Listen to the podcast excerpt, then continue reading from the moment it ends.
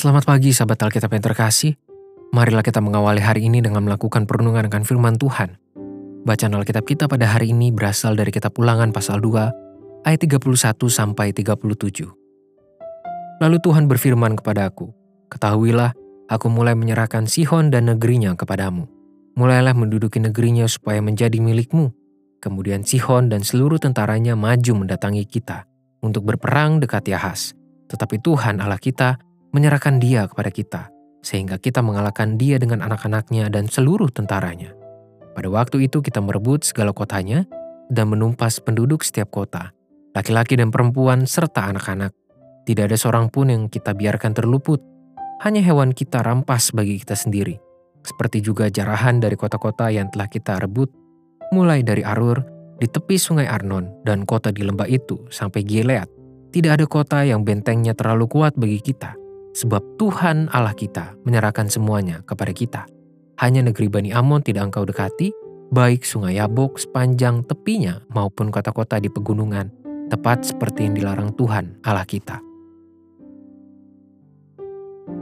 Catatan peristiwa peperangan ini tidak hanya menunjukkan peran aktif Tuhan yang memberikan kemenangan bagi orang Israel, tetapi juga menampilkan sebuah kedisiplinan iman dari umat Tuhan.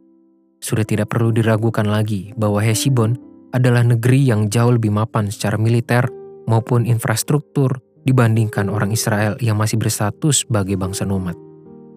Namun, inferioritas tersebut tidak menjadi penghalang bagi Tuhan untuk membela dan memberikan kemenangan bagi mereka.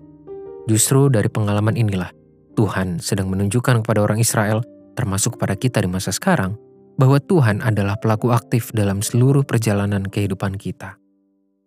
Selain fakta tersebut, kita pun menemukan sebuah sikap yang sangat perlu diteladani oleh umat Tuhan di masa sekarang, yakni perihal kedisiplinan dalam mengikut perintah Tuhan.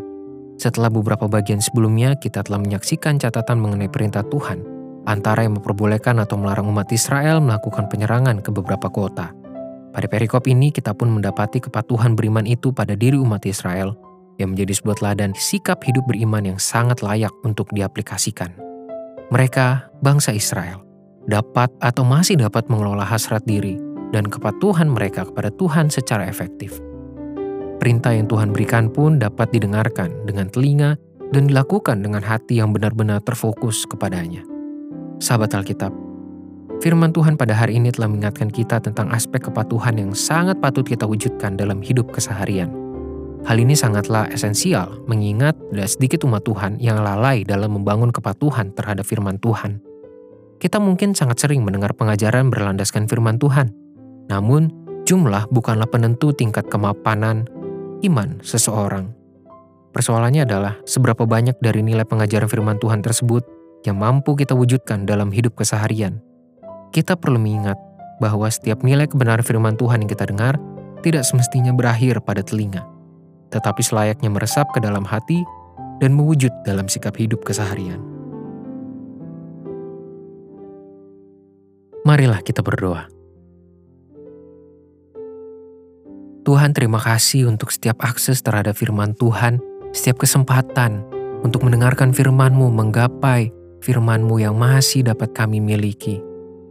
Tapi tolonglah kami juga Tuhan, bukan hanya mendengar, tetapi juga kami mampu melakukannya dalam kehidupan keseharian kami.